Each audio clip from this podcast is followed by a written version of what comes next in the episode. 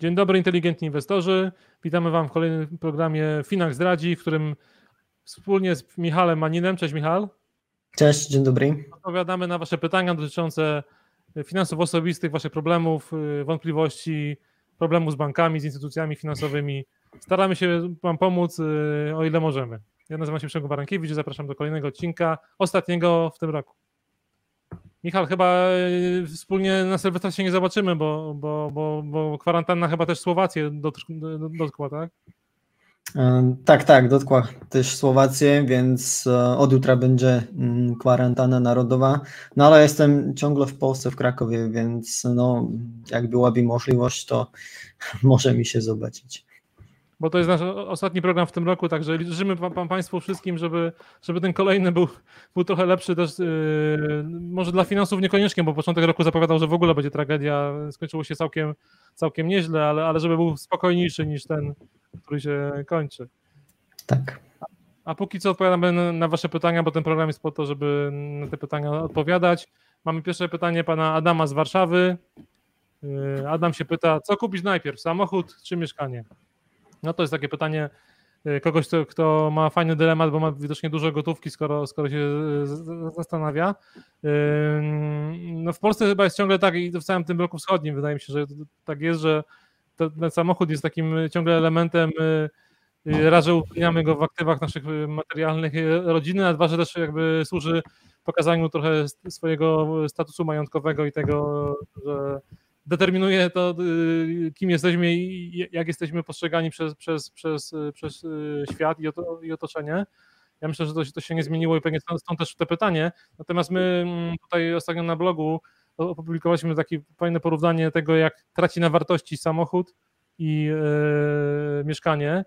Dla tych, którzy nas tylko słuchają na podcastach, to będziemy starali się opowiedzieć, ale spójrzcie na, na taki fajny wykres, który pokazuje, jak zmieniała się wartość 200 e, tysięcy złotych ulokowanych w nieruchomość, czyli w mieszkanie przed 15 laty, czyli w roku 2005 i 200 tysięcy złotych ulokowanych w samochód. I z tego samochodu zostało ciągle kilkanaście tysięcy złotych, a z nieruchomości, e, z mieszkania, bo to chodzi o mieszkanie w dużym polskim mieście, e, blisko pół miliona złotych, czyli plus jeszcze jakby wszystkie przychody z najmu i tak dalej, więc jakby tutaj pod tym względem odpowiedź jest chyba jasna.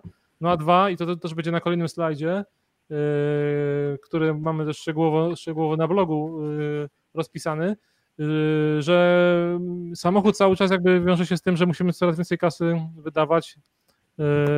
Spójrzcie, tutaj podsumowaliśmy trochę to co, to, co wyliczył w blogu Juraj Chrobaty, nasz prezes, który pokazał swój własny samochód i jego koszty utrzymania i wyszło mu, że w, w ciągu y, ostatnich 8 lat co roku na, na auto wydawał blisko 30 tysięcy złotych, czyli 2,5 tysiąca złotych miesięcznie, i, a kilometr jazdy kosztował go złotówkę i 76 groszy, więc bardzo dużo pieniędzy i, y, sądzę Adam, że powinieneś to y, pod uwagę wziąć jakby decydując się na, na auto czy na samochód. Miszo, ty masz nowy samochód czy używany? Mm, ja zawsze miałem tylko używane samochody. Nie za bardzo widzę sensu w tym, by kupować nowy samochód. I no tutaj akurat w tym blogu mm, no nasz szef bardzo fajnie napisał, że ten nowy samochód, jeśli dobrze pamiętam, to był Seat, go kosztował jakąś tam kwotę, już nie pamiętam ile, no ale zawsze warto pomyśleć o tym, że ten samochód po prostu musi jeździć na jakieś paliwo, musimy mm, u nas w naszych krajach e, co roku mienić opony, kupować te opony i tak dalej, i tak dalej, więc po prostu e, ta kwota zakupu się jeszcze powiększy o inne um, wydatki, no i warto z tym liczyć. I no co tutaj powiedzieć, mm, ja uważam, że jeśli ktoś decyduje między samochodem i mieszkaniem, no to jednoznacznie bym powiedział, że mieszkanie z tego powodu, że przede wszystkim jeśli celem kupna tego mieszkania jest mieszkać w tym mieszkaniu, no to bardzo fajnie, bo prawdopodobnie teraz może pan Adam wynajmuje mieszkanie No i jak sobie kupię mieszkanie nawet na kredyt, to może się pokazać, że ta rata kredytu będzie nawet o trochę niższa niż to, ile wydaje na wynajem, więc może jeszcze zaoszczędzi jakieś tam pieniądze, które może nawet na przykład zainwestować. I po drugie, no okej, okay, jeśli ktoś, dużo ludzi w Polsce na Słowacji tak jeszcze mieszka na wsiach, w mniejszych miastach i po prostu muszą dojeżdżać samochodem do pracy, więc okej, okay, w takim przypadku absolutnie rozumiem, że dla takich ludzi samochód jest przede wszystkim aktywem, albo jest to traktowane jako aktywum, czyli mm, jeśli mm, zrobię mi taką analogię z Robertem Kiyosakim i jego e, bogaty ojciec, e, biedny ojciec, czyli Rich Dad, Poor Dad, to Robert Kiyosaki mówił o tym, że mamy jakieś assets, czyli mm, jakiś majątek albo coś, co po prostu nam dawa pieniądze do naszej kieszeni albo do naszego portfelu mamy jakieś liabilities, czyli jakieś obliga, czyli to, co wyciąga pieniądze z naszej kieszeni. No i w normalnej sytuacji dla 90-95% z nas e, kupimy sobie samochód i ten samochód po prostu 95% czasu tylko stoi gdzieś na parkingu. No ale tak jak mówię, jest dużo ludzi, którzy mieszkają na wsi albo w jakimś małym mieście, codziennie dojeżdżają do pracy, czyli jest im potrzebny samochód, więc jest to dla nich tak naprawdę jakiś mm, majątek, który dla nich jeszcze może produkować jakieś pieniądze, albo jeśli na przykład ktoś korzysta, nie wiem, pracuje jako taksówkarz albo w Uber pracuje jako kierowca, to może ten samochód trochę pomnażać jego majątek, ale tak jak mówiłem na początku, no nie widzę zbyt sensu w tym wykupować nowe samochody, po prostu bez problemów można sobie kupić starszy samochód i, i jeździć nim dopóki się da. Chyba, że Adam kolekcjonuje samochody i to są jakieś zabytkowe pojazdy, które y, też y, potrafią nieraz y, po kilkanaście, kilkadziesiąt procent rocznie dać stopę zwrotu, ale zakładam, że to, to pytanie nie dotyczyło zabytkowych limuzyn. Dobra, słuchajcie, mamy kolejne pytanie i to kolejne pytanie tym razem będzie anonimowe. Yy, chyba często się to, to, pytanie yy, pojawia, chociaż jeszcze żaden broker na Słowacji nie upadł i to Miszo potwierdzi, ale tutaj pyta się jeden z czytelników, omówcie kwestię ewentualnego bankructwa Finaxa. Jeśli dobrze rozumiem, Fundusz Gwarancji Inwestycyjnych gwarantuje tylko środki pieniężne, yy, a kolejna, kolejna część. Pewna część środków wpłacanych przez klientów trzymacie w gotówce. To pytanie, dlaczego też dodatkowe. I pytanie mhm ostatnie, co się dzieje z ETF-ami zakupionymi dla klientów, rozumiem, że w przypadku bankructwa, są przenoszone do innego domu maklerskiego, czy jak to inaczej działa? No to mhm, w porządku. Tak, dokładnie, po kolei. Więc um, dobrze, zacznijmy od tego Funduszu Gwarancji Inwestycyjnych. E, więc mm, jest tak, że wszystkich naszych klientów obejmuje Fundusz Gwarancji Inwestycyjnych Słowacki, czyli on gwarantuje inwestycje do 50 tysięcy euro na jednego klienta albo na jeden PESEL. I on używany jest w takich przypadkach, kiedy na przykład mm, to jest tak zwany niedostępny majątek, czyli klient nie może się dostać do swojego, nie, nie może otrzymać dostęp do swojego majątku. Czyli na przykład, jeśli my mm, zdefraudowalibyśmy w jakiś sposób środki naszych klientów, albo jeśli na przykład mm, zbankrutowaliby emitenci tych klientów, e, przepraszam, emitenci, od których nasi klienci kupują e, za pośrednictwem nas ETF-y, czyli to są bardzo duże spółki jak BlackRock, State Street, UBS, Deutsche Bank Asset Management, no to wtedy e, wchodzi w grę Fundusz Gwarancji Inwestycji do kwoty 50 tysięcy euro na jednego klienta albo na jeden PESEL. I potem jest ta druga możliwość, i to jest to bankructwo.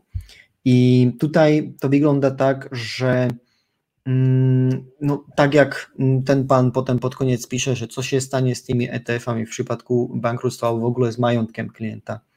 Więc e, jeśli by Finax zbankrutował, to um, albo może od początku my, jako dom maklerski, musimy oddzielić nasz majątek od, od majątku uh, każdego klienta. I z tego powodu tworzymy tak zwane rachunki majątkowe, które są rejestrowane na imię, nazwisko i PESEL każdego jednego klienta. I jeśli by Finax zbankrutował, to po prostu majątek Finax już nie będzie istnieć i majątek naszych klientów ciągle istnieje i on jest trzymany na tych rachunkach majątkowych i to po prostu my musimy reportować uh, do Narodowego Banku Słowacji, czyli Narodowy Bank Słowacji ma tą ewidencję, ma wszystkie takie te informacje o naszych klientach, że który klient ile papierów wartościowych trzyma na swoim koncie. No i w przypadku bankructwa mm, Narodowy Bank Słowacji ogłosiłby mm, taki przetarg i e, tymczasowego administratora, czyli jakiś inny bank albo dom maklerski, no i ten by po prostu zarządzał tym gronem naszych klientów i każdy ten klient ma możliwość e, poprosić o sprzedaż swoich ETF-ów i otrzymać gotówkę. Jeśli by z tego klienci nie skorzystali, to powiedz mi, żeby był koniec przetargu, jakiś zwycięzca, czyli bank albo dom maklerski, no i znowu każdy ten klient ma 30 dni na to, aby zdecydować się, czy chce kontynuować w inwestowaniu z tym nowym, um, z tą nową firmą, albo czy chce wypłacić swoje środki. Więc tak by to wyglądało. I ten powód, że dlaczego trzymamy małą część w w gotówce, no jest to taki, że mi mm, nie mamy możliwości innej, e, jak mm, pobierać opłaty za zarządzanie, niż to, że po prostu małą część portfela zostaje mi w gotówce. No i mm, już prawdopodobnie dużo naszich klientów wie, że opłata za zarządzanie uiszczana albo pobierana jest raz na końcu miesiąca czyli ona jest liczona codziennie jako 0,012 razy kwota na koncie w aktualny dzień podzielone przez 365, no i tak jest powoli e, ściągana i raz na końcu miesiąca jest e, zaksięgowana. No i jeśli by to tak nie było, że nie zostawiliśmy tej małej gotówki na koncie i po prostu wszystkie środki byłyby zainwestowane w ETF-ach, no to sobie musieliśmy zrobić, aby pobrać opłatę, zawsze musielibyśmy sprzedać małą część inwestycji naszych klientów i to by automatycznie powodowało, że każdy klient przy sprzedaży musi potem rozliczyć podatek. To ja jeszcze dodam, bo, bo chyba też ważne jest, może być ważne z punktu widzenia polskiego klienta, że te ETF-y, one są y, w tak zwanym custody, czyli w depozycie, y, w takim renomowanym y, brytyjskim banku Barclays, więc one tam są. I, i, i również, gdyby odpukać w niemalowane, gdyby coś się stało z Finaxem i zbankrutował, no to one dalej tam zostają, czyli ten nowy dom maklerski, o którym mówił y, Michal, też będzie jakby administrował tymi ETF-ami, które są zdeponowane w Barclays Banku. Mhm, tak. Okay. Teraz pytanie będzie trudniejsze, Michał, to od razu yy, uprzedzam. Yy, Michał spod Warszawy, ma 33 lata, dwie osoby na utrzymaniu, poduszkę yy, z trudem uzbierane 4000 zł i ukryte przed żoną. To ciekawe. Y, I ma takie pytanie, bo y, proszę o rady, jak zbudować jakąkolwiek poduszkę finansową wyższą niż 4000 zł, gdy są trzy osoby w rodzinie, a przychód 4000 zł, y, który ja generuję i koszty są w samych kredytach, czyli hipoteka, auto i rachunki, to jest około 3000 zł na, na miesiąc. Do tego dochodzą inne koszty stałe. No i jak ja mam zbudować poduszkę finansową? To są takie pytania, na które chyba mm, trudno odpowiedzieć. Szczerze przyznam, że mi jest bardzo trudno na nie odpowiedzieć, ale pewnie też gnębią i dotykają wielu Polaków, no bo tak mi się wydaje, że jak my ciągle patrzymy na inwestycje, to koncentrujemy się często na tym, jak zainwestować, a tutaj, żeby, żeby, żeby zainwestować, trzeba mieć coś, y, co zainwestować i trzeba mieć te oszczędności, i one są takim pierwszym etapem y, tych inwestycji, więc pewnie pewnie do tego się to, to, to, pytanie sprowadza, że my się często bardzo koncentrujemy za bardzo na, na, tej drugiej części przyjemniejszej, jak inwestować i dużo, dużo prostszej. No ja powiem szczerze, że, że ciężko, z 1000 zł dla, dla trzech osób, no to mm, na miesiąc, no to ciężko cokolwiek wygospodarować. Przygotowaliśmy nawet taki, y, ostatnio taki, myślę, to pokaż kolejny slajd, y, taki blog Juraj napisał, czyli znowu do naszego prezesa się odwołamy, bo też chyba dostrzegł ten problem. Yy, i jest taki blog, gdzie jest 12 wskazówek o tym, yy, jak miesięcznie odłożyć kilkaset euro, bo on wiadomo, że on zarabia w, euro, więc jakby ma trochę inną walutę. Yy, pewnie w tym wypadku tutaj Michała spod Warszawy te kilkaset euro to jest tylko marzenie, natomiast bardzo fajny jest tam tok myślenia, to jest tam, tam na przykład są Chodzi o to, żeby zrobić taki przegląd trochę własnych wydatków i tego, co możemy ewentualnie co miesiąc y, skreślić z tej listy wydatków. ale też jakby per, per każdy wydatek, czyli nie wiem, może, może a nuż może warto zmienić do, do, dostawcę prądu albo do, dostawcę internetu, albo zmienić bank, który nam, nas tam o, o kilkanaście złotych miesięcznie zubaża, więc jakby mm, przejrzyj sobie swoje wydatki co miesiąc i krok po kroku spróbuj powiedzmy 10-20% z tych wydatków zmniejszyć. Tam masz takie 12 pozycji, które możesz sobie znaleźć i nie będziemy tutaj pewnie ich cytować, bo to nie ma sensu, natomiast jest bardzo fajnie to i zwięźle to opisane i wiem, że są też kolejne planowane w ramach tego cyklu blogów kolejne posty i tam będzie kolejny post, będzie dotyczył 10 wydatków tygodniowych, które można ograniczyć i w końcu będą też wydatki dzienne, więc jakby Juraj bardzo fajnie pisze, bo on pisze na, podstawie trochę własnych autorskich, jakby sprawdzonych elementów i wiem, że chwali się w tym blogu, że w ciągu roku chyba bodajże o 30% swoje koszty, wydatki zmniejszył, więc Michał może Cię to zainspiruje i, i, i, i odsyłam do tego. Michał, chyba, że ty masz jakieś pomysły, jak, jak tutaj znaleźć jakąś większą, większą kasę i większą poduszkę odłożyć? Mm. Mm. No, jedynym takim pomysłem jest to, że jak pan mieszka gdzieś w okolicach Warszawy, no to można spróbować mm, no, poszukać jakiejś pracy po prostu, z której będą lepsze dochody. No albo przypadkiem, nie wiem, no też zrobić sobie jakiś audyt tego, czego umie, tego, mm, jakie są moje hobby, bo dzisiaj naprawdę no, da się zarabiać na, na wszystkim możliwym. No i poszukać no przede wszystkim w internecie, że co można z takimi hobby robić, jak ich zmonetyzować, czyli jak po prostu zacząć otrzymywać pieniądze za to, albo jeśli te hobby te, to, co mnie interesuje, jest, jest jakimś sposobem włączone z moją pracą albo z taką pracą, jaką bym chciał mieć w przyszłości, no to zdoskonalić się w tym, no i potem za kilku miesięcy, za pół roku spróbować poszukać no, lepiej opłacaną um, pracę. No w sumie do tego też yy, to jest jeden z powodów, dla którego my promujemy też to pasywne inwestowanie, bo sądzimy, że lepiej, żebyś zainwestował w siebie i swoje własne kompetencje i szkolenia i więcej mógł zarobić i, zaoszczędzić i potem dopiero zainwestować, niż marnować czas na jakieś własne analizy, rozważanie tego, czy kupić takie akcje, a nie inne Y, lepiej ten czas spędzić właśnie albo z rodziną, albo właśnie na poprawianie własnego, własnego, mm, własnych kompetencji, własnych zdolności językowych na przykład, czy czegoś, co szuka, szukają w pracy, więc jakby to jest taki... I wiem w ogóle, że to jest tutaj nie ma dobrych, dobrych lat. Pamiętam, jak było, była kampania wyborcza kiedyś y, i Komorowski powiedział na, na takie pytanie chłopaka, który mówił o swojej siostrze, że nie może znaleźć y, mieszkania, to radził, niech zmieni pracę y, albo weźmie kredyt. I to było takie bardzo głośne, bo wtedy hmm. fajnie to zawsze, zawsze brzmi, taka dobra rada wujka i, i a, a, każdy ma swój portfel i własne problemy i własne y, wydatki, własną żonę i dzieci, które też pewnie potrzebują inwestycji i tutaj, tutaj mądrych rad nie ma, ale warto zawsze od siebie zacząć, a dopiero potem szukać w innych w, w otoczeniu. I kolejne pytanie Tomasza z Facebooka. W sumie bardzo często się pojawia na naszych webinariach i w tym wypadku znowu będzie mowa o żonie, która już drugi raz się tutaj pojawia, ale to jest inna żona tym razem. Y, Tomasz pyta się, y, że mówi, że pracuje i płaci podatki za granicą. Chce otworzyć u Was konto. Mam następujące pytanie. Czy założyć konto na siebie, czy na żonę, która się rozlicza w Polsce? Czyli takie tradycyjne pytanie, które jakby tradycyjny dylemat. Myśmy wiecie, to, z tymi podatkami to trzeba bardzo y, uważać, zwłaszcza w, w, Polsce one są nie do końca ostre i nie do końca jasne i może być taka sytuacja, że różnie y, urzędy skarbowe opierając się na, na tych samych przepisach y, różne pewne sprawy interpretują i to, to nie jest jakby na palcach jednej ręki, ale to są case'y, które są bardzo, bardzo częste, więc w ogóle generalnie u, u, uważajcie.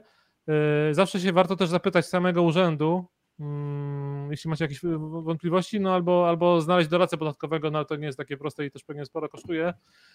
Y, myśmy się zapytali tego Roberta Malowskiego, który ostatnio prowadził fajny webinar, też do niego odsyłam, y, o, podatku od zysków kapitałowych. Y, on jest na, na, na naszym YouTubie i na, na, naszym blogu.